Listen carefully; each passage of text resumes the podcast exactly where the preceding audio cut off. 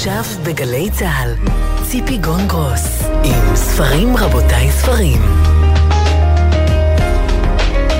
הבית של החיילים, גלי צה"ל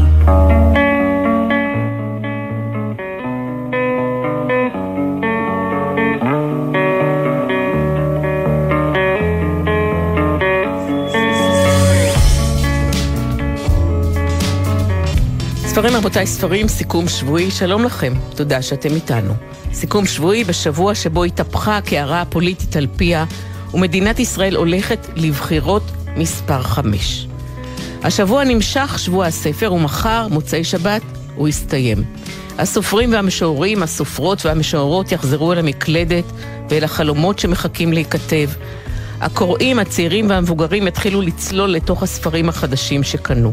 ספרים, רבותיי, ספרים, אני ציפי גון גרוס, איתי המפיקות תמנה צורי ועשאל פלד, על הביצוע הטכני סיון ברהום וגיא קפלן, בפיקוח הטכני עומר נחום.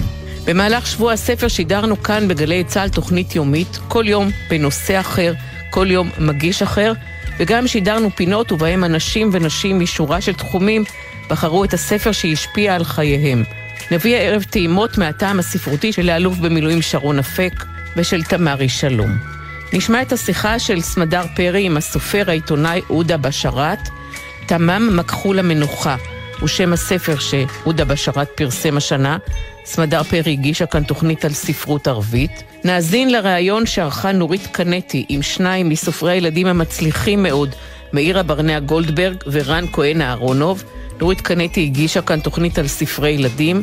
נשמע מהתוכנית על ספרים וסביבה שהגיש אביב לביא, את הריאיון של אביב לביא עם ניתאי לדני, שמקיף את העולם ב-80 יום, ברוח הספר של ג'ול ורן, מסביב לעולם ב-80 יום.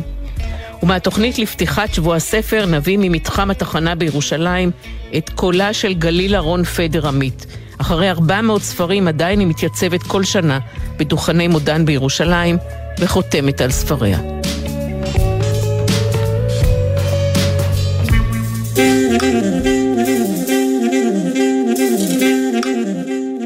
האלוף במילואים שרון אפק. הספר שעליו אני רוצה להמליץ הוא הטבלה המחזורית מאת הסופר היהודי-איטלקי פרימו לוי. פרימו לוי כתב בצורה ייחודית על התקופה החשוכה ביותר בהיסטוריה האנושית, תקופת השואה. הכתיבה שלו היא הומנית, רגישה, צנועה ודקת הבחנה. הספר הטבלה המחזורית הוא מבריק במיוחד. פרימו לוי היה כימאי, ובכל אחד מהפרקים בספר הוא כולל אנלוגיה בין יסוד כימי לבין דמות אנושית או אירועים אנושיים. מבעד להבנה שלו בתכונות הכימיות של חומרים, מסתתרות תובנות עמוקות וחשובות על רוח האדם ונפש האדם. לאחרונה יצא ספר נוסף פרי עטו בשם לילית ואחרים, קובץ של סיפורים קצרים. אני ממליץ בחום לקרוא גם אותו, ומאחל לכולכם שבוע ספר מוצלח. סמדר פרי הגישה במסגרת שבוע הספר תוכנית על ספרות ערבית, וראיינה את הסופר והעיתונאי עודה בשרת. ערב טוב לעודה בשרת, סופר ופובליציסט בעיתון הארץ. אה, ערב טוב לך ולכל המאזינים. אני אומר עליך כמה מילים. אתה בן 63, נשוי לסהר, שהיא דוקטור לביולוגיה ומורה בתיכון, אב לשלושה, כן. שני בנים בוגרים, האחד כן. חאלד, שהוא חוקר גנטיקה של צמחים, והשני כן. יזיד, מהנדס חשמל באינטל. כן. בת ששמה חלה, תלמידת י"ב בתיכון, ואתם מתגוררים בכפר יפיע, שבו אתה כותב מאמרים פוליטיים בעיתונות הערבית ובעיתון הארץ. כן. מדויק? אה, מחר יהיה 64. אוקיי, מזל טוב. אז מחר נחגוג. כן. טוב, בוא נדבר על תמם מכחול המנוחה, זה ספרך כן. השלישי. אני אהבתי אותו מאוד, באמת, קראתי אותו ברצף במשך יומיים. יופי. ונתחיל, ג'וואד הגיבור הוא גבר כבן 60 שיצא לגמלאות מעבודתו במשרד ממשלתי, הוא נתקל במודעת אבל שמגלה לו שאהבת נעוריו תמם מכחול מתה. ספר עוד על הספר. ספר של אה, מישהו שהייתה לו מערכת יחסים עם אה, צעירה. לפני 30 שנה, כלומר 30 שנה אה, לפני, ונדהם שהוא קורא את, ה, את המודעת אבל. כן, בעיתון, אז חוזר ב-30 שנה כמעט לא ראה אותה, אפילו לא ראה אותה, או... והוא חוזר ל-30 שנה אחורה בהלם כזה, מה קרה לה, למה בכלל הם נפרדו, מה עשתה... והיא עקבה אחריו, היא, היא כותבת, ב, ב, הוא מגלה באיזה יומן שהיא כתבה שהיא יודעת שיש לו שני ילדים וכולי. כן, כלומר גם הנאמנות כאן אצל הגברים פחות, אני לא יודע. כלומר, יש דברים מסוימים שהוא פספס, הוא מרגיש שהוא פספס והוא עושה את הרוויזיה uh, של חייו לא רק בעניין של אהבותיו או uh, אהבה לתמם מכחול, גם בשטחים אחרים. וזה גם מקרין על אשתו שהיא לא רוצה להיות uh, מישהו, מישהי שחיה בצל וזה אבסורדי כזה. היא מקנאת במישהי שכבר איננה. כן, היא מקבלת וה... מקום בספר ספר גם. כן, וזאת האיננה, כלומר, מצלילה על כולם בצדק, מצלילה על כל החיים של המשפחה. הייתה משפחה רגועה ויפה, והאיש הזה יוצא, ומגלה שהבחורה הזאת, אה, שנקראת תמם מכחול, שנראתה יותר מסוגרת ופחות הרפתקנית ממנו ופחות מתקדמת ממנו. כן, אבל היא ניהלה מערכת יחסים עם יהודי. הנה, כן, אני מגלה עוד טפח. כן, אז בדיוק האישה הזאת, כאשר מאמינה בדבר מסוים, היא יותר נועזת ויותר אמיצה ממנו מה עם הסיסמאות הגדולות שלו. הוא היה איש שמאל ואיש מתקדם, בעד שוויון עם האישה, בעד uh, מערכות יחסים גם לפני הנישואים וכולי. אבל כאשר אה, אה, כלומר החברה שלו זאת תמם, שהייתה יותר סגורה ויותר קונסרבטיב ויותר שמרנית, ברגע שמאמינים בדברים האלה, בדברים מסוימים, היא הולכת עד הסוף. וזה כלומר הדיאלוג שהיה בסוף הספר. זה, זה סיפורם של, אני חושב, של הצעירים הערבים בשנות ה-70 וה-80 של המאה הקודמת, שהם יצאו מ... כלומר סביבה סגורה ומסוגרת, חמה. אוהבת, אה, אבל גם מחניקה. כי מי שנמצא בסביבה כן, הזאת ופתאום יוצאים שהוא... לעיר הגדולה. כן, יוצאים לעיר הגדולה, כלומר מנסים גם לאמץ חיים אה, אה, פתוחים יותר מאשר בתוך השכונה, היא חיה בנצרת. והדבר הזה מקרין גם על, עם המון אכזבות. אה, ואני, יש לי מאוד אה, אמפתיה לאנשים האלה, שהם, כלומר, היו אוונגרד. אני מדבר על אה, דור שהוא מבוגר ממני, נגיד, בעשר שנים, משהו כזה, או... רגע, אני רוצה לשאול אותך, לעשות רגע הפסקה, אני אחזור לספר. אני רואה שהספר יצא במקור בערבית, ואתה תרגמת בעצמך, תרגמת אותו לעברית. כן. איפה הספר הזה הלך יותר? במגזר הערבי או במגזר היהודי? במגזר הערבי מאוד אהבו אותו, ואני רואה עכשיו במגזר היהודי, כלומר, יש אה, ביקורת מאוד מאוד, אה, כלומר, אה, אוהדת ומסמפתת ואפילו מרגשת איך מסתכלים לסיפור הזה. כנראה חשבו ש... אה, יהיה ספר לעומתי כזה. את, את יודעת שערבים נגד יהודים וכמה אנחנו מסכנים וכולי וכולי. לא, וכמה... זה ממש לא מוצא ביטוי בספר. בדיוק, זה, אז הם רואים שאנשים... אה, חיים את חייהם, גם אם הם מקופחים, יש לצד הקיפוח של המדינה או של אה, הממסד, ומצד שני הם חיים את חייהם, הם, את אהבותיהם, את רגעי העצב, את אה, איך בונים בית, איך, הם, איך עושים קשרים בין גבר לאישה, בין צעיר לצעירה.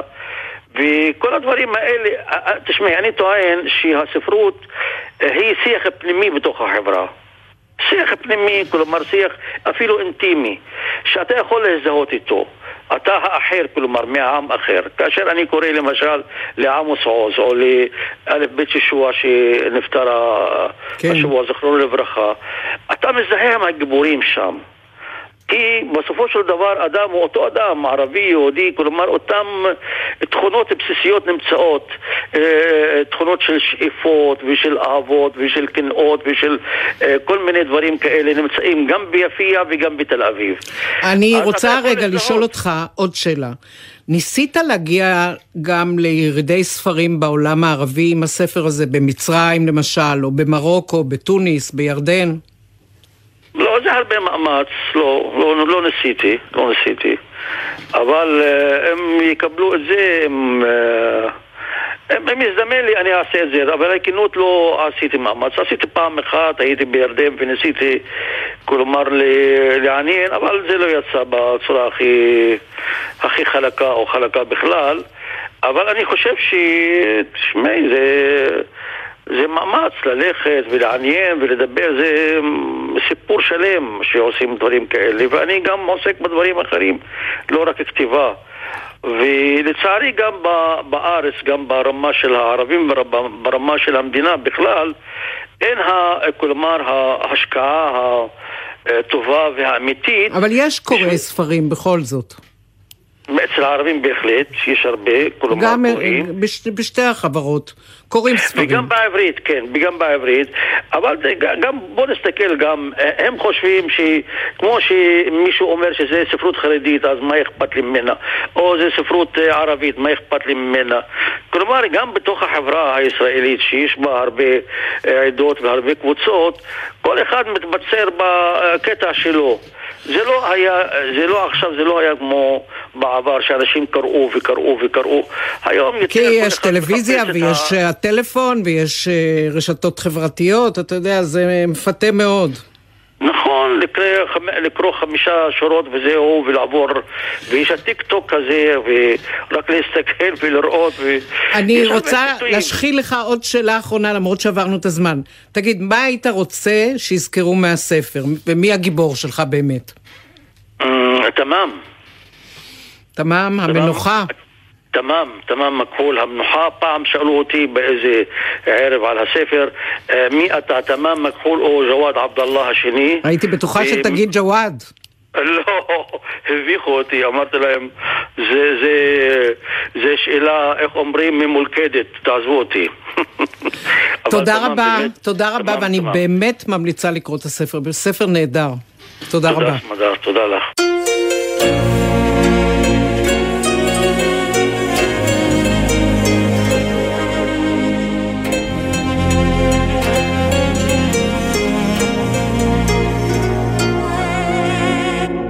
נורית קנטי, שהקדישה תוכנית לספרות ילדים, שוחחה השבוע עם הסופרים מאירה ברנע גולדברג ורן כהן אהרונוב. מאירה ברנע גולדברג, שלום. מה נשמע? טוב, תודה. אצלי בבית את uh, מוכרת כמי שחיברה את uh, ספרי קרמל, האהובים מאוד, אבל את הרי לא סופרת רק של חתול אחד, אז אני סקרנית דווקא לפתוח איתך במשהו אחר. מי זו הילדה שניסתה? זה יכול להיות אני, זה יכול להיות את, זה יכול להיות כל, כל ילד או ילדה שפעם, אי פעם אמרו להם שהם לא יצליחו. הספר הזה נכתב בעקבות פגישה אקראית עם מורה, שכל ילדותי היא אמרה שלא יצא ממני שום דבר, ופתאום היא הגיעה ליום חתימות ועמדה בתור שאני אחתום על הספרים שכתבתי, וחיבקה אותי ואמרה לי, תמיד ידעתי שתצליחי. זה נורא הצחיק אותי הפער בין איך שנתפסתי בילדות, וכל מה שהיא גרמה לי לחשוב בילדות, לעומת עכשיו, אחרי ההצלחה, כולם אמרו, כן, ידענו שתצליחי. ואז הייתה לי התחלה כבר המון זמן אה, בראש על ילדה שמנסה ולא מצליחה, ולא ידעתי מה הסוף, אז לא, לא, לא, לא המשכתי לכתוב את זה. ואז הפגישה עם המורה, כשאמרה, ידעתי שתצליחי, זה היה ברור, כולנו דיברנו על שתצליחי. פתאום זה חיבר אותי וידעתי בדיוק מה אני רוצה לעשות עם הילדה הזאת. ככה נולד אה, ספר, אה, אחד מספרי הילדים הכי מצליחים שלי, הילדה שניסתה. אני חייבת לדעת אם המורה הזאת יודעת שזאת בעצם החוויית ילדות שלך ממנה, ולא חיזוק והעצמה. אף פעם לא, לא באתי בהאשמה. אה, היו כמה, כמה מורות שהתקשרו לבקש ממני סליחה עם השנים, כי היו וואלה. כמה מורות כאלה. אני... הבעיה הייתה אצלי בתור ילדה שהייתי טובה במקצועות הלא נכונים. הייתי טובה בהיסטוריה, בספרות, בתנ"ך, אה, והייתי גרועה מאוד, גרועה מאוד במתמטיקה, פיזיקה, ביולוגיה, כימיה. אגב, תמיד אמרו לי, נתנו לי תחושה שאני גרועה מאוד, אבל לא, לא היה נכשל, זה לא שהייתי גרועה איומה. אבל תמיד נתנו לי תחושה שבגלל שאני לא טובה במקצועות ריאליים, שום דבר לא יצא ממני. ואני זוכרת שגם ציירתי קומיקסים אז איזה מורה אחת לקחה את הקומיקסים שלי וזרקה אותם לפח ואמרה לי, מזה לא תבוא הפרנסה. זה נורא מצחיק אותי, כי בדיוק מזה. בדיוק מזה. באה לך הפרנסה עכשיו. אוי, אני כל כך חולקת איתך את הקושי הזה במקצועות ריאליים, אבל בסוף אפשר, אפשר למצוא את עצמך.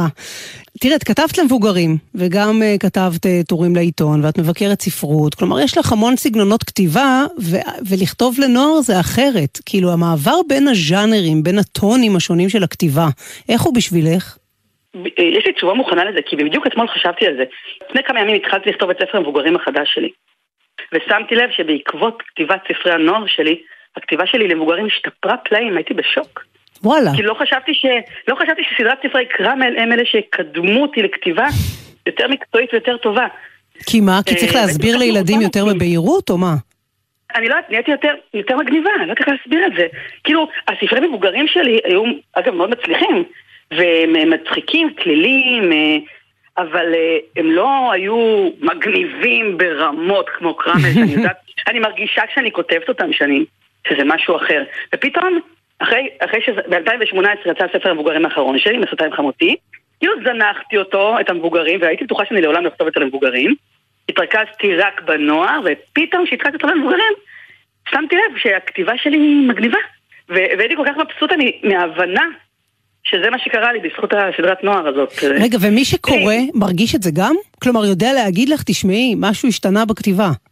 שיקראו, העורכת שלי בטוח תשים לב לזה. אה, זה רק עכשיו, את אומרת. זה חדש לגמרי.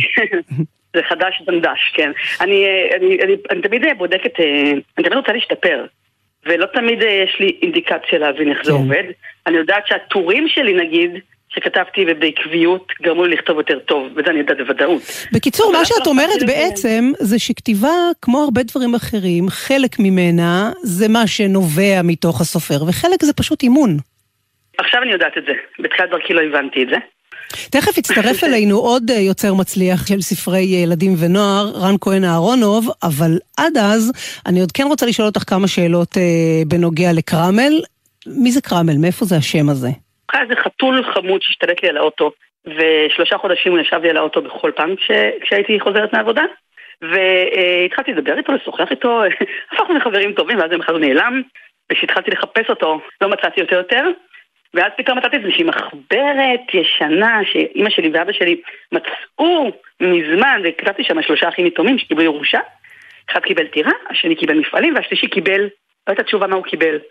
ואז ידעתי שזה חייב להיות החתול הזה, שישב לי על האוטו, זה היה ברור שזה יהיה החתול הזה, וקראתי לו קרמל, כי זה ראשי תיבות של כמה רחוק את מוכנה ללכת. אה, איזה יופי. זה גם ספר המבוגרים הראשון שלי, גם זה נורא הצחיק אותי כי הייתי מוכנה ללכת רחוק כדי לחפש את החתול הזה, באמת חיפשתי אותו בכל מקום ולא מצאתי. וגם כי זה מין מוטו כזה לחיים. בכל פעם שאני רוצה משהו, אני מכינה רשימה ארוכה של מה אני צריכה לעשות, ואז שואלת את עצמי, את מוכנה לעשות את זה? את לא מוכנה לעשות את זה. ולפעמים אני הולכת מאוד רחוק כדי להשיג את המטרות שלי, מאוד מאוד רחוק. זה מוטו, זה מוטו לחיים. שאני תמיד אהיה מוכנה לעשות המון דברים של הצלחה שלי ולא מחכה שהצלחה תבוא.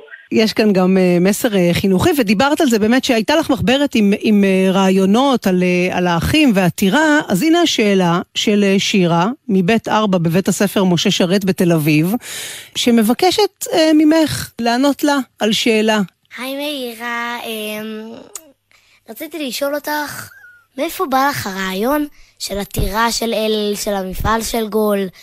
אני מקווה שתצליחי לענות לי על השאלה, אם לא, לא נורא. חמודה, ברור שאני אענה לה. למדתי בבית ספר עם גנים, וליד הבית ספר שלי הייתה וילה ענקית ענקית ענקית, ככה לפחות חשבתי, של תמר בורשטיין עזר, סופרת של קופיקו. וואו. זה נראה לי, נראה לי תמיד כמו טירה קסומה עם פסלים ובריכה, לא יודעת אם אין לי מושג אם הייתה בריכה או לא, וככה דמיינתי והשלמתי את זה. וכל בוקר הייתי עוברת ליד הבית ספר, ומשליחה עוד דקה להסתכל על הבית, ואפילו יום אחד צלצלתי בפעמון, כי רציתי לשאול אותה איך נהיים סופרים, והיא לא ענתה לי.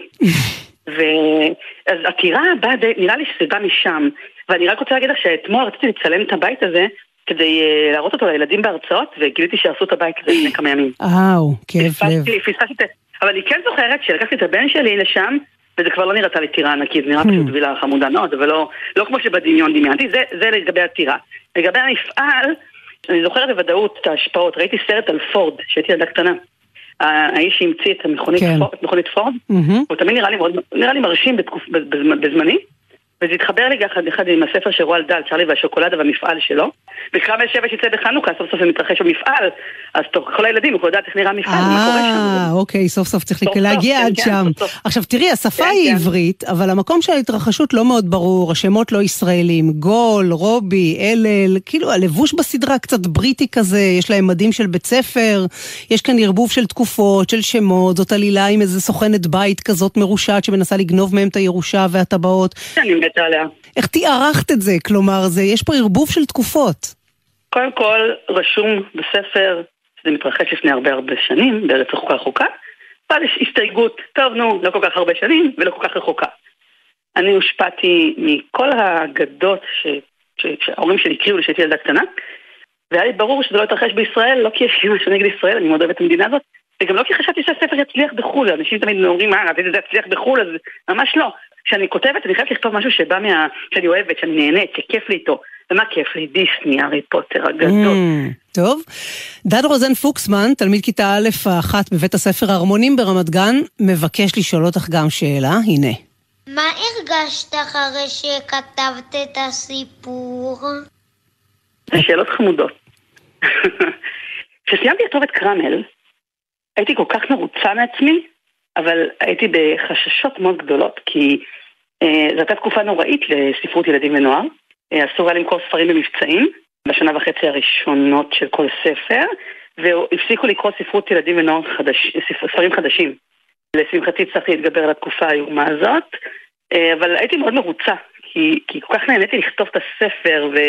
ו- ו- ושמחתי, כי אני לא, לא הייתי בטוחה שאני אצליח, כי זה היה ספר נוער ולא ספר מבוגרים, ובגדול הרגשתי שמחה גדולה ואושר, כמו שתמיד קורה לי, שאני מסיימת סוף סוף לכתוב ספר אחרי עבודה קשה. איזה כיף. אני רוצה לצרף לשיחה שלנו עוד אה, יוצר מצליח ומיוחד, רן כהן אהרונוב, שלום. אהלן, אהלן. אתה אה, היוצר, המחבר של אה, סדרת אה, ילדי בית העץ, אתה גם אה, איש חינוך בכל אה, רמ"ח חבריך, וזאת אולי הסיבה שבחרת למקם... חבר של מאירה. וחבר של מאירה? כן, אנחנו חברים טובים. עכשיו אני מתה לשמוע מה ישאלו אותך, אני מסקרנית. טוב. בניגוד למיקום ולזמן של אה, קרמל שהם לא מוגדרים, אצלך זה מאוד מוגדר, מאוד מאוד ישראלי. מאוד ישראלי עד כדי כך שלא נראה לי שאפשר יהיה למכור את זה בחו"ל, אה, בהמשך למאירה, כן. יש דברים שהם כל כך ישראלים, כן. למרות שקיבלנו הצעה לתרגם אותם לרוסית, בדיוק לפני שהתחילה המלחמה. ו? ועצרנו הכל. אני, אני מאוד חזק עכשיו בלנסות לעזור לילדים אוקראינים במולדובה, וכנראה גם בארץ בקרוב. אז אה, בבינתיים עצרנו הכל. למרות שאני יודע שההוצאה היא לא פוליטית, אבל אה, המצב הוא כזה שלא... וואו, זו בחירה לא פשוטה בשביל סופר. כן, אבל, אה, אבל, אבל זה המצב. זה מלחמה זה דבר לא פשוט. כן, זה הדבר הנכון לעשות, אתה אומר. כרגע כן. תגיד, עד כמה, בתור איש חינוך, עד כמה לספרים עדיין יש חלק בעיצוב של הילדים היום? של הילדות שלהם, של מי הם? שאלה מעניינת, אנחנו ככה רצינו עם זה הרצאה של יאיר ושל יאיר שיצר איתי את ילדי בית העץ, את כל הפרויקט, האח שלי הצעיר. להרצאה שלנו קוראים להביא את השינוי, כי אנחנו באמת מאמינים שיש משהו בעשייה של כל אחד מאיתנו שעוסקת בשינוי, ואנחנו כל הזמן מקבלים אה, סרטונים, סיפורים על ילדים. הספרים אה, אה, הם לא חינוכיים, אבל הם מאוד מביאים את הסיפור של ילדים שהם אקטיביסטים. ושהם עושים משהו טוב בעולם. והתחושה שלנו, שאני לא יודע אם זה בעקבות הספרים או במין דיאלוג עם הספרים עצמם, אה, ילדים עושים, עושים ממש מלא דברים. פה ילדים מגיל הגן, וממש זה, זה מפתיע אותנו וזה נורא כיף. ומה שמאירה דיברה עליו, על הסיפור הזה של ילדים קוראים, זה גם דבר שנורא נורא מפתיע אותנו. אני, לשמחתי אה, הודיעו לנו אתמול שהספר האחרון, החמישי בסדרה, הוא במקום ראשון במצעד הספרים. של משרד החינוך. זה נורא, כן, שמאוד מאוד משמח אותי. אה, קוראים לזה הסוד של סבא אפרים, וזה סיפור כזה שמערבב בין, בין עבר מאוד מאוד רחוק, של סיפור של סבא רבא שלי בפרס אה, לפני המון המון שנים, לבין אה, סיפור מאוד עכשווי עם האקרים וגנבי אה, יודאיקה, וזה שהוא נבחר על ידי הילדים, זה רק מראה בעיניי את זה שילדים אה, הם עדיין אוהבים מאוד מאוד סיפורים ו- ו- והם משפיעים עליהם. לא משנה אם הסיפור הוא בספר או בסדרת טלוויזיה או, ב, או. זהו, תכף נדבר על העיבוד לטלוויזיה, בעצם זו הסיבה שחיברתי ב- ב- בין השיחות אה, עם שניכם, אבל אני עוד רוצה לברר איתך עד כמה אתה אה, משתדל להכניס לספרים את ההתמודדויות שאתה רואה שהנוער מתמודד איתם, הרי בכל זאת, מאז שהתחלת לעבוד עם ילדים ועד עכשיו, ילדים התחילו להתמודד עם דברים אחרים. אני מנסה להיות רלוונטי לתקופה. יש לי ילדים, אני נפגש עם ילדים, אני מנסה שה, שהכתיבה שלי תהיה רלוונטית בכלל. תראי, ההחלטה הזאת ללכת על ידי בית, על בית העץ הייתה החלטה מאוד רגשית. לא ידעתי עד כמה היא רלוונטית לילדים, כן או לא, כי היא הייתה רלוונטית עבורי בתור ילד. וגיליתי שכן, שיש דברים שהם נשארים רלוונטיים, ושאר הדברים, כמו השימוש בטלפונים וכל הדברים האחרים שכתוצאה מזה, אני מנסה שזה ייכנס, הנה, בספר האחרון האקרים, ילדים כן. האקרים, אה, כן, רלוונטיות לגמרי. תגיד, מי חשב על עיבוד לטלוויזיה? יאיר ואני, כשהתחלנו לחלום על ילדי בית העץ, כבר היה לנו את כל החלום. רשמנו על איזה מין אה, דף כזה מאוד ראשוני, שהדפסנו אותו והסתובבנו בחברות התקליטים, כי הדבר הראשון שעשינו זה היה אלבום מוזיקלי. כן. רצינו לעשות. אבל בתוכו כבר היה לנו את כל החלום. כולל סדרת טלוויזיה והצגה ומופע וספרים, הכל כבר היה לנו. כאילו חשבנו על זה שהדור הזה זה דור רב-תחומי, ואנחנו רוצים שהפרויקט הזה יהיה רב-תחומי. והאמת שזרקו אותנו מכל המדרגות, כאילו קיבלנו שלילי על גבי שלילי מכל חברות התקליטים, ובכלל היה נראה להם שאנחנו מפנטזים על משהו שלא רלוונטי בימים שילדים הם, אה, מה שמעניין אותם זה, זה משהו מאוד מאוד אה, פשוט ודבילי. ואנחנו הרגשנו שזה לא נכון, ובסוף היה מישהו אחד שהאמין בנו. את רוב החלומות אה, הגשמנו, ואפילו בגדול, זה די, די מדהים. ומה היה חשוב לכם במיוחד? מה היה לך חשוב שיישמר בעיבוד? ש... כי הרי דברים בכל זאת הם קצת שונים. היה, היה לנו כל מיני דילמות קשות במעבר לעיבוד. קודם כל, ההחלטה הייתה לא לאבד את הספרים, אלא ללכת מהכיוון של השירים דווקא. גם ביקשו מאיתנו לוותר על הדמויות שלנו מהספרים. בשונה מאצל אה, מאירה, יש לנו עוד, עוד כמה דברים אה, דומים למאירה ולי. יש לנו בן אוטיסט לשנינו, ו... יש לנו את אותם אה, במאים אה, תסריטאים. מוכשרים. מוכשרים, את שירי לי דשא ורועי שגב, והם ביקשו מאיתנו אה, לוותר על הדמויות מהסדרה ולמצוא דמויות חדשות, ואנחנו אמרנו, בדיון הזה ביני אלף וביני, אמרנו, אין מצב. בנינו דמויות כמו חסמבה כזה, אנחנו לא מוכנים לוותר. בדיון הפנימי בתוכנו הבנו שאם אנחנו רוצים ששירי לי ורועי יהיו שותפים שלנו ביצירה ולא יוצרים עבורנו, אז אנחנו צריכים רגע לשים את האגו שלנו בצד ולוותר, וזה הוכיח את עצמו. כי הסדרה מדהימה והפרסים וכל ה... ואתה מרגיש שהיא מחזקת את המותג של הספר? כלומר, זה מקרב כן, את הילדים לספר? זה עובדתית, עובדתית, ברור. ברור, בהתחלה הייתי נפגש עם, אה, עושה מפגשי סופר כמו שנעירה עושה כזה בבתי ספר, אז הייתי שואל מי מכיר את הספרים, היו מצביעים כמה, מי מכיר את השירים, עוד כמה, אני מכיר את הסדרה, קצת יותר. אז היום כאילו אנחנו, אם נבקש, לפחות חצי מהילדים קראו את הספרים. מה שלא היה, לא קרה קודם. כולם ראו את הסדרה, אין כאילו, אין, אין כמעט ילדים שלא ראו, נדיר ממש, שזה ממש כיף גדול. ו... לפחות חצי מהילדים קראו את הספרים, וזה ברור לי שזה אחד חיזק את השני, זה ברור לגמרי. ואצלך, אה, מאירה, שמעת כאן קודם שתי שאלות של אה, שני ילדים שיופנו אלייך, שזה ילדים מכיתה א' ומכיתה ב', ודיברנו על זה קודם, שזה ילדי ראשית קריאה, כלומר זה לא ילדים שמסוגלים לקרוא בלי ניקוד, ואני חושבת שחלק ניכר מההכרה שלהם בכלל את קרמל זה דרך הטלוויזיה, לא? סדרת קרמל הייתה מאוד מצליחה עוד לפני סדרת הטלוויזיה. גם אז ילדים בכיתה א'-ב' נאבקו, למרות שעכשיו הוצאתי להם קומיקס מנוקד מאוד יפה לקטנטנים החמודים שרוצים לקרוא, אבל אם הייתי סופרת מאוד מצליחה, בעקבות סדרת הטלוויזיה, הפכתי למאוד מאוד מצליחה. הייתה קפיצה מטורפת. פתאום מה שקרה בזכות הטלוויזיה, שהרבה ילדים שבכלל לא חשבו לקרוא ספרים, בכלל לא אהבו ספרים, בזכות הסדרה גילו את הסדרת ספרים, וההורים מספרים לי שילדים שלא קראו ספרים מעולם סיימו בחודש וחצי שישה ספרי קריאה. תקשיבי טוב טוב, רוב הסופרים שבאים לענף הזה אומרים שהם לא רוצים להתפרנס מזה, כי הם יודעים שהם מתפרנסים מזה, רק רוצים שיקראו אותם. אני לא רוצה רק שיקראו אותי, אני רוצה להתפרנס מזה. יש לי חוזים טובים, בניגוד לחוזים, לצערי, שעכשיו מעניקים לסופרים צעירים. אני חושבת שהסופרים צריכים להתחיל לדרוש חוזים יותר הוגנים. נכון, אני מתפרנסת גם מכתיבה, גם מסדנאות כתיבה, גם ממפגשים בבית ספר, אבל הכל מתנקז בסופו של דבר לחוויית כתיבה ודברים שקשורים לכתיבה, ואפשר להתפרנס היום כסופרים, אין לי עבודה שנייה, אין לי עבודה נוספת. כן ירבו לא כמוך. אני מסכים מאירה, אני גם לא מתנצל.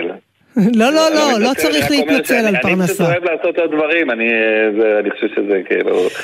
אני מ- מ- מ- מגוון לעצמי. זמננו אה, קצר ומתקצר והולך, אז אני כן רוצה רגע לשמוע ממך, מתי העונה הבאה של קרמל עולה לטלוויזיה?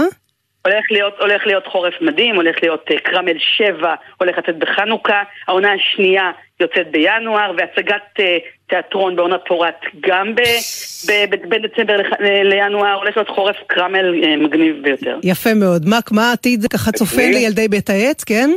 אז רגע, אז קודם כל אני אגיד של, שלא בילדי בית העץ, אה, יש לי ספר שנקרא חנה כאופית, שבימים אלה נכתב התסריט שלו, קיבלנו כסף מקרן הולנדית לעשות אה, סרט קולנוע, קו-פרודוקציה של ישראל והולנד, וזה רגע יופי. נורא מרגש, זה הסיפור על בהחלט. שלי בשואה, וואו. ואני מרגיש שהעבודה שלי היום ב... ב, ב, ב, עם הפליטים האוקראינים היא הרבה ב, בהשראת האנשים שהצילו את אמא שלי בשואה. וזה מבחינתי מסר נורא נורא חשוב שצריכים ילדים להכיר. אה, אנחנו מצלמים בקיץ את העונה השישית של ילדי בית העץ. אנחנו חולקים, ש- אה, מאירה ואנחנו, את, את הצוות, אז אנחנו צריכים אה, את, את צוות הקוצבים, תסריטאים, במאים. בוא נחמיא אנחנו להם רגע, שירלי דשא, שירלי דשא ורועי עבודה מדהימה. מדהימים, מדהימים. כן, מדהימים. אנחנו גם עובדים על אה, מחזה חדש עם תיאטרון המדיאטק, יש לנו הצגה על הספר הראשון, ויש לנו, עובדים על ההצגה על הספר החמישי, ויש לנו עוד מלא דברים, משחק קופסה ש...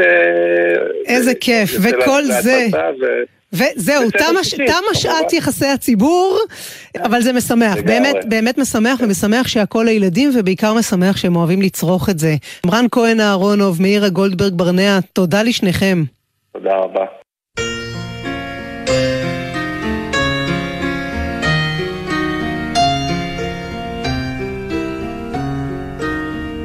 אביב לביא, שעסק בתוכנית שלו בספרים וסביבה, ראיין את איתי לדני, שבחר להקיף את העולם ב-80 יום, כמובן בעקבות ז'ול ורן והספר המאוד מוכר שלו, מסביב לעולם ב-80 יום.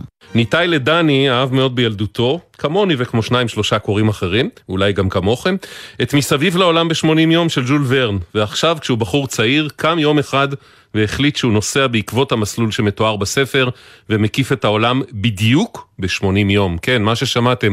שלום ניתאי. ערב טוב אביב. ערב טוב, באיזה יום אתה מבין ה-80? אני נמצא היום ביום 45 מתוך 80, מדבר איתך בשידור ישיר משדה התעופה בסינגפור. רגע, רגע, כשפיליאס פוג עשה את זה לא היו שדות תעופה, בטח לא בסינגפור. נכון, אז אני בר מזל לעשות את זה בצורה קצת יותר קלה, אבל אני מבטיח לך שלא פחות כיפי. מסינגפור לאן אתה טס? אז מכאן הייתי אמור להמשיך לסין, יפן והונג קונג, שלצערי בגלל הקורונה סגורות, ולכן אני מגיע לדרום קוריאה לכמה ימים.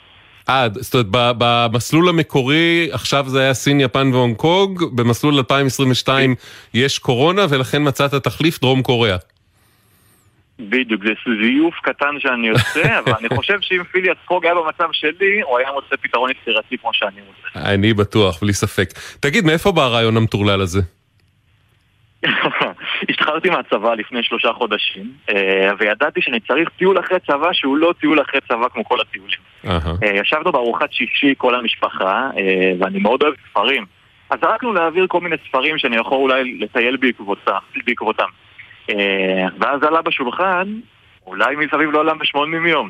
אה, ותוך כמה שבועות באמת כבר הייתי על הטיסה לקראת... רגע, הדור שלך. אתה קראת את הספר בילדותך? כי אני חשבתי שהדור שלי הוא פחות, פחות או יותר האחרון שקרא אותו. אגב, אני לא יודע אם אתה יודע, אבל התרגום הראשון לעברית היה ב-1900 של אליעזר בן יהודה, ואז קראו לזה סביב הארץ ב-80 יום. נכון.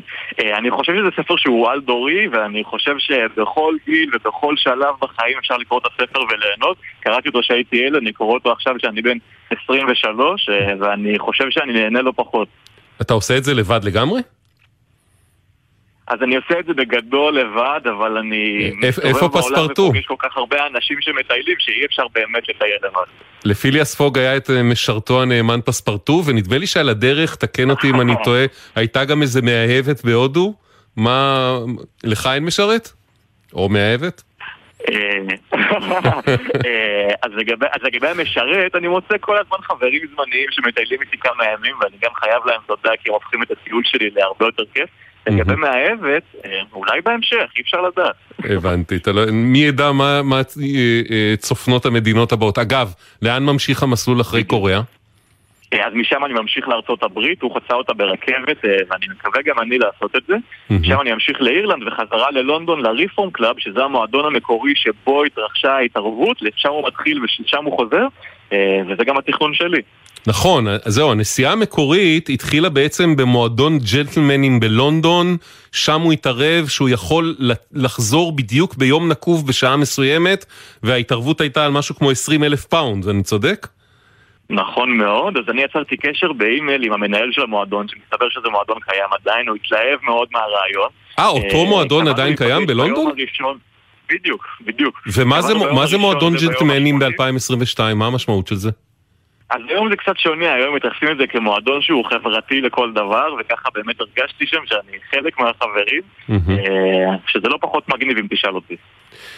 פיליאס פוג מימן בעצם את ההקפה אה, אה, של העולם מאותה התערבות שבסופו של דבר הוא ניצח בה, נכון? זאת אומרת, הוא, זה כיסה לו את תוצאות הנסיעה, הוא תכנן את זה גם בצורה מות, מאוד מדוקדקת. מותר לשאל, לשאול מאיפה ניתאי מממן את הקפת העולם?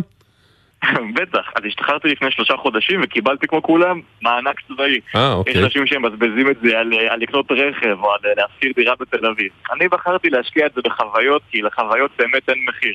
אה, אז אם את כל כספי המענק הצבאי אני משתמש בטיול מסביב לעולם. אתה לא, לקחת איתך את הספר למסע? כמובן, בטח. אני קראתי אותו כבר לפני, אבל לקרוא על פיליאס פוג שהוא נמצא בסינגפור, כשאתה בסינגפור זה כבר חוויה שונה.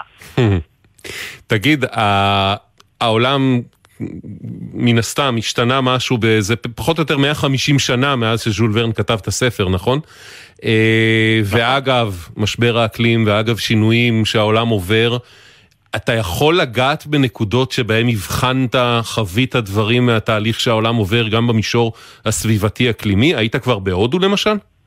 כן, אז הייתי כבר בהודו, אמ, אבל אני רוצה דווקא לספר על משהו אקלימי מעניין שקרה לי באיטליה. אוקיי. אמ, דווקא באיטליה, כשהגעתי לוונציה ועליתי לשייט אה, בגונדולה. אמ, דיבר איתי הנהג, נקרא לזה, אה, וסיפר לי ש, ש, שזה, רישי, שזה משהו שעובר מדור לדור. זאת אומרת שאם אתה היית נהג, כנראה שגם אבא שלך וגם סבא שלך. והוא מפחד שבגלל ההתחממות הגלובלית, עוד כמה שנים הבן שלו חס וחלילה יצטרך ללכת לבית ספר, כי הוא יצטרך למצוא מקצוע, למצוא מקצוע אמיתי שלא עובר מדור לדור. כי מה, כי אה, התעלות בוונציה התייבשו? לא, לא יהיו יותר גונדולות? אה, זה הפחד שלו. וואלה. מעניין. או שהם יעלו על גדותיהם, ובעצם יהיה צריך כלי שיט הרבה יותר מתוחכמים כדי לשרוד שם, זה גם אפשרות. נכון. תגיד, נכון, מה, זה יעבור מדור לדור. מה המקומות הכי, שהכי שבו את ליבך, אה, אה, הכי מעניינים, ש, שיצא לך לנחות בהם? אז אני חושב, זו הפעם הראשונה שהייתי בהודו לפני כמה שבועות, כל החוויה שלי אמוציונלית בצורה מאוד מאוד מאוד חזקה. Mm-hmm. אז הרבה דברים ראיתי שהיו לי חוויות חזקות, אבל uh, דיברתי על זה היום עם כמה חברים שהיום אני עוזב בסינגפור. ובסינגפור גיליתי שיותר משכיף לי לראות נופים בעיניים, כיף לי להרגיש אנשים. ופגשתי אנשים מדהימים וקהילה יהודית מדהימה בסינגפור, ככה שאני חושב שאולי סינגפור בינתיים זה המקום uh, שהכי אהבתי, אבל אני גאה לך סוד, כל מקום שאני עוזב, אני מגיע לשדה תעופה ואומר, איי איי איי, זה המקום שהכי אהבתי עד עכשיו. אה, מפגשים עם ישראלים על הדרך? המון, המון, המון, המון. יש כל כך הרבה ישראלים שמטיילים, וזה כיף לדבר עברית מדי פעם. ואתה מספר להם אה, מה, אתה מספר להם בעצם מה אתה עושה? אז האמת שזה סיפור מגניב, אני מחלק סטיקרים של הטיול שכתוב עליהם אה, איזה עולם נפלא באנגלית. זה כתוב, ותודה שעזרת לי להקיף את העולם ב-80 ימים. תמיד כשאני פוגש ישראלים, בדרך כלל זה אנשים נחמדים ואני מביא להם מדבקה, הם הולכים כמה צעדים, קוראים כשמישהו מקיף את העולם ב-80 יום, חוזרים ושואלים מלא שאלות, זה סופר מגניב אותם. אני מזמין אותם לבלוג כמובן, לקרוא את כל הסיפורים אה, כדי שיהיו חלק מהמסע גם אחרי שאנחנו נפרדים, אה, וכולם תמיד מתרגשים ואומרים שהם אפילו קצת מטיילים דרכי. הבלוג אה, שמה, שמתפרסם באתר למטייל, נכון? נכון, אז אחרי ש... אז עבדתי ככותב תוכן באתר למטייל וביקשתי okay. אוקיי. חופש מהעבודה. אה, ולמטייל אמרו לי, למה שתיקח חופש? אנחנו נעזור לך עם הטיול, אנחנו נהיה חלק מזה, mm. ואתה תכתוב לנו בלוג. אה, ככה הם הצטרפו לטיול והם חלק מכל התהליך הזה, ואני חייב גם להם תודה ענקית, כי הם השותפים הכי טובים שיש למסע. כבר יצא לך, כבר יצא לך לפגוש מטיילים ישראלים בדרך שקוראים את הבלוג ו- וידעו מי אתה ומה אתה עושה? אז האמת שזה מצחיק, כי אף פעם לא חשבתי שזה יקרה, אבל קורה שאנשים אפילו עוצרים אותי ברחוב בהודו ואומרים, אני מכיר אותך, זה אתה מהבלוג ולמטייל. או חברים מאוד טובים שהתחלנו בכזה להתכתב באינסטגרם, אנשים שכתבו לי מה הם חושבים על הדברים שאני כותב, אה, ופתאום אומרים כזה, מה, היעד הבא שלך זה הודו? גם היעד הבא שלי זה הודו, ואז אנחנו מטיילים שבוע ביחד. אה, אז זה נחמד מאוד. אני מקווה שלא רודף אחריך בלש מהסקוטלנד יארד, כמו שרדף אחרי פיליאס פוג, הרי חשדו שהוא גנב את הכספים של הבנק, נכון? היה שם איזה סיפור כזה. אז אנחנו בשנת 2022 כבר אין בלשים שעוקבים אחריך, אבל כן אני פה בשדה תעופה בסינגפור ומנסה לדבר איתך עם חצי מסכה חצי לא, ומפחד שמישהו מהסינגפורים ישים לב אה, ויעצור. אה, עדיין מסכות קורונה בסינגפור? בטח, בסינגפור במקומות סגורים עדיין, אבל אני יכול להגיד שעכשיו אני טס לדרום קוריאה וזו בדיקת הקורונה הראשונה שעשיתי, ככה שמצב הקורונה בעולם נראה שהוא לאט לאט משתפר. אגב, אה, זה שאתה בעצם טס במקום להפליג, נכון? שזה מה שפיליאס פוג עשה, הפליג מ... זה משאיר לך הרבה יותר זמן להיות לשהות בכל מדינה. נכון. אז מה שפיליאס פוג עשה, הוא פשוט חצה את העולם כמעט בלי עצירות. אה, אני חושב שהכיף האמיתי במקומות זה להגיע, לפגוש את המקומיים, ללמוד על התרבות וליהנות מכל מקום שאני נמצא בו, אמנם לזמן קצר, כי יש לי עוד כל כך הרבה מדינות להספיק, כן. אבל אני נהנה כמו שצריך. אתה מתכנן לנחות בישראל באמת בדיוק ביום ה-80 למסע? כמו פיליאס פוג? אז אני מתכנן להגיע לריפורם קלאב ביום ה-80 למסע אה, לאנגליה, כן, אה, אוקיי. בדיוק, ומיד אחרי זה אני אחזור לישראל. קח בחשבון המתנה למזוודות בשדה התעופה, עוד 80 יום לפחות. אה, בדיוק בגלל זה אני חוזר ללונדון. ניתאי לדני, יום ה-45, נכון? נכון. 60 נכון. אחוז בערך מאחוריך, תמשיך לעשות חיים, איזה כיף, רעיון מדהים. תודה. תודה רבה. ביי ביי, להתראות.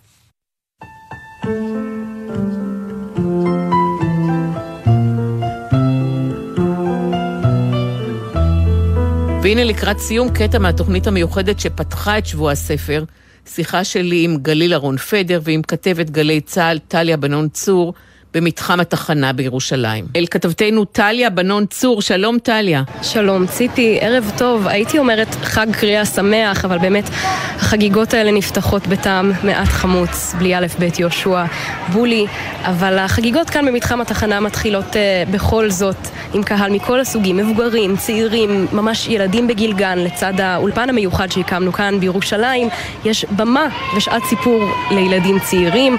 לאחר שנתיים של חגיגות ספרות הספרות ושבוע הספר בנוסח קורונה, אם אפשר לומר, מדווחים כאן בהתאחדות הוצאות הספרים שהשנה גדל מספר הדוכנים ביריד ב-30%, ואפשר באמת לראות כאן בשטח את הדוכנים של ההוצאות השונות, ספרים לילדים, ספרים לחילונים, לחרדים, לדתיים, מכל הסוגים, ספרי עיון, פרוזה, לילתיים, וכמובן את הקוראים.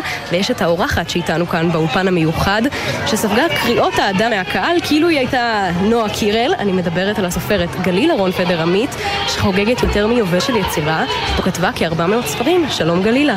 שלום, ערב טוב. אני מקנאה בטליה בנון צור שהיא עומדת לידך, ואני בטוחה שראית אה, כבר... ציפי תקנאי בה כי יש פה מזג אוויר נהדר. אני כבר מקנאה גם בגלל מזג האוויר וגם בגלל שהיא לידך. הספר הראשון שלך היה ילדי השכונה במחתרת ב-1971, וב-2020 הופיעה האוטוביוגרפיה שלך. כמה שנים את מתייצבת בשבוע ספר גלילה, פוגשת ילדים וחותמת להם? אה, לדעתי, אני לא יודעת תאריך, אבל לדעתי מהיום ששבוע הספר התחיל בירושלים. אה, אני עברתי איתו, הוא נדד ממקום למקום, ואני עברתי ונדדתי יחד איתו. היום אני כבר אה, מתחילים להגיע אליי נכדים של ה... הורים של הסבים והסבתות שחתמתי להם בשנים הראשונות. מי שהקדים ועשה את זה מהר, ויש לו כבר נכדים, אז מתחיל, מתחילים הניצנים של הדור השלישי וזה מאוד מרגש. אה, תמיד מתפתחות שיחות, אבל בשנים האחרונות אה, יש כבר אופנה חדשה, וזה להצטלם. לא די בחתימות על הספרים, אלא כולם מנסים להיכנס לתוך הדוכן כדי להצטלם, ויש אה, כאלה שפשוט אה, עושים סלפי. וקרה גלילה שבאו אלייך גם אימא או אבא שהיו בעבר באומנה שלכם? אולי ציון מהספר שלך אה, הקנוני אל עצמי? בואי נתקן טעות נפוצה, שציון לא היה ולא נברא. ציון הוא, הוא בעצם תערובת של כל ילדי האומנה, והם מגיעים אליי בדרכים אחרות, אנחנו בקשר בדרכים אחרות, הם לאו דווקא באים לשבוע הספר, אבל uh, מגיעים, יש, יש כאלה שמגיעים לשבוע הספר בצורה מאוד מאוד מתמידה. מגיעים כל שנה. ומה את כותבת בהקדשות? יש איזה נוסח קבוע? אז ככה, אה, פעם הייתי כותבת אה, אה, ברכה חמה או ברכה מיוחדת מגליל ארון פדר, הפעם היה גליל ארון פדר, עכשיו גליל ארון פדר עמית, והייתי כותבת שבוע הספר תש"ין זה וזה וזה. במשך הזמן שהתרבו הילדים שמבקשים חתימה, אז כבר אין לי כוח לכתוב את כל ההקדשה, אז אני מנסה לעשות קיצורים. השנה עשיתי, בחרתי בנוסח חדש, שזה מזכרת משבוע הספר ומגלילה, בלי כל שמות המשפחה. ויש ספר שמתבשל כבר בתנור שלך? שיש כבר טיוטות גלילה? יש לי, תראי, כל ספר מבוסס על, על אה, משהו אחר, אבל אה, בואי אני אגלה לך שני סודות, אם אנחנו כבר מדברים אה, בשבוע הספר. סוד אחד זה שהולך לצאת הספר אל עצמי בקומיקס. הוא לא יצ... יגיע לשבוע הספר הזה, אבל אני מקווה שהוא יהיה בשבוע הספר הבא. והדבר השני, שבספטמבר הולך לצאת ספר מאוד מיוחד שלי, וזה סיפור חייה של גולדה מאיר. לא הספקנו לסיים אותו ולהכין אותו לשבוע הספר הזה. כתבת ספר על בגין, עכשיו התור של גולדה מאיר, בהחלט ראויה. לא, באמצע הייתה גם רחל ינאית בן צבי. נכון, נכון, נכון, מאוזן לגמרי. תודה עכשיו רבה. עכשיו עברתי לצד הנשי, ציפי. כן, תודה רבה, גליל אהרון פדר עמית, ותודה גם לכתבתנו טליה בנון צור.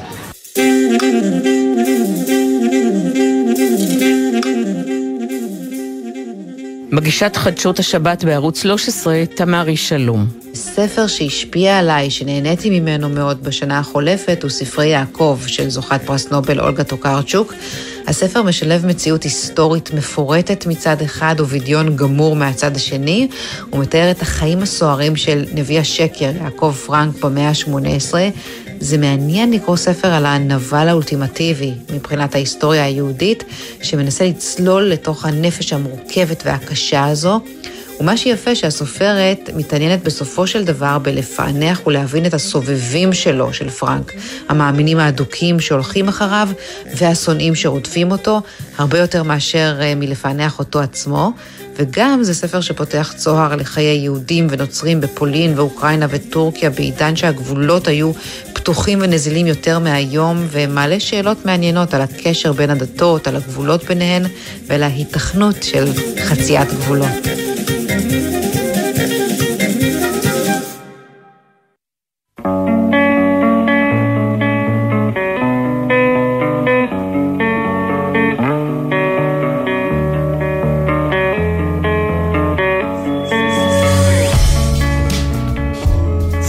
ספרים, עד כאן התוכנית להיום. תודה למי שהגישו את התוכניות המיוחדות בשבוע הספר, אביב לביס, מדר פרי ונורית קנטי. תודה למרואיינים עודה בשרת, רן כהן אהרונוב, מאירה ברנע גולדברג וניתאי לדני. תודה לתמרי שלום ולשרון אפק, שבחרו למעננו בספר שהשפיע על חייהם.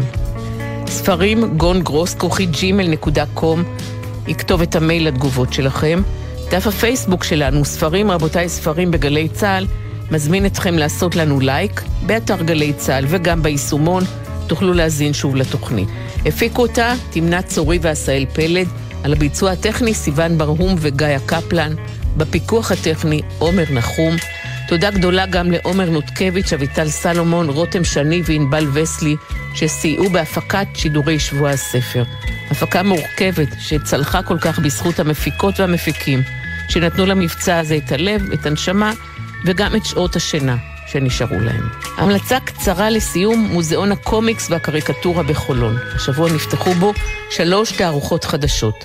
האחת, אזהרת צפייה, קומיקס ישראלי לפני עידן הפוליטיקלי קורקט, יצירות קומיקס וקריקטורה משנות החמישים ועד לפני עשר שנים. עבודות שלא היו עוברות היום בשום פנים ואופן.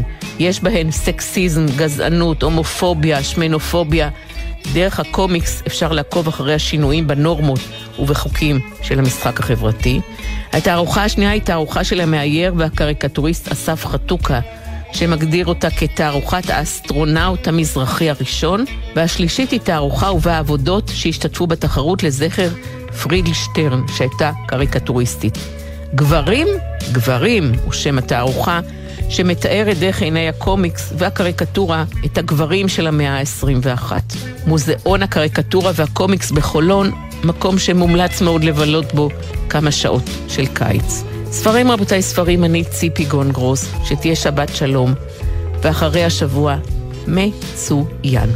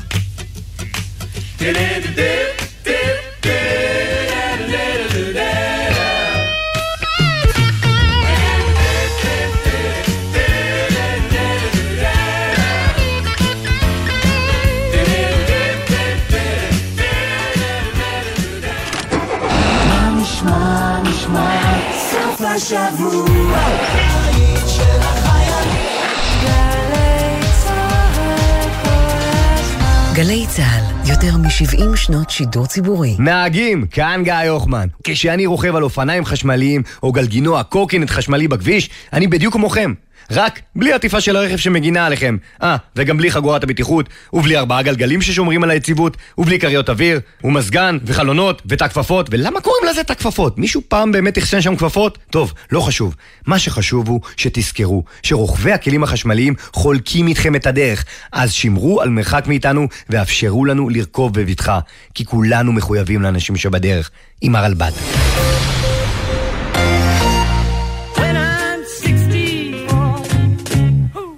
כבר מזמן לא 64. פול מקארטני חוגג 80.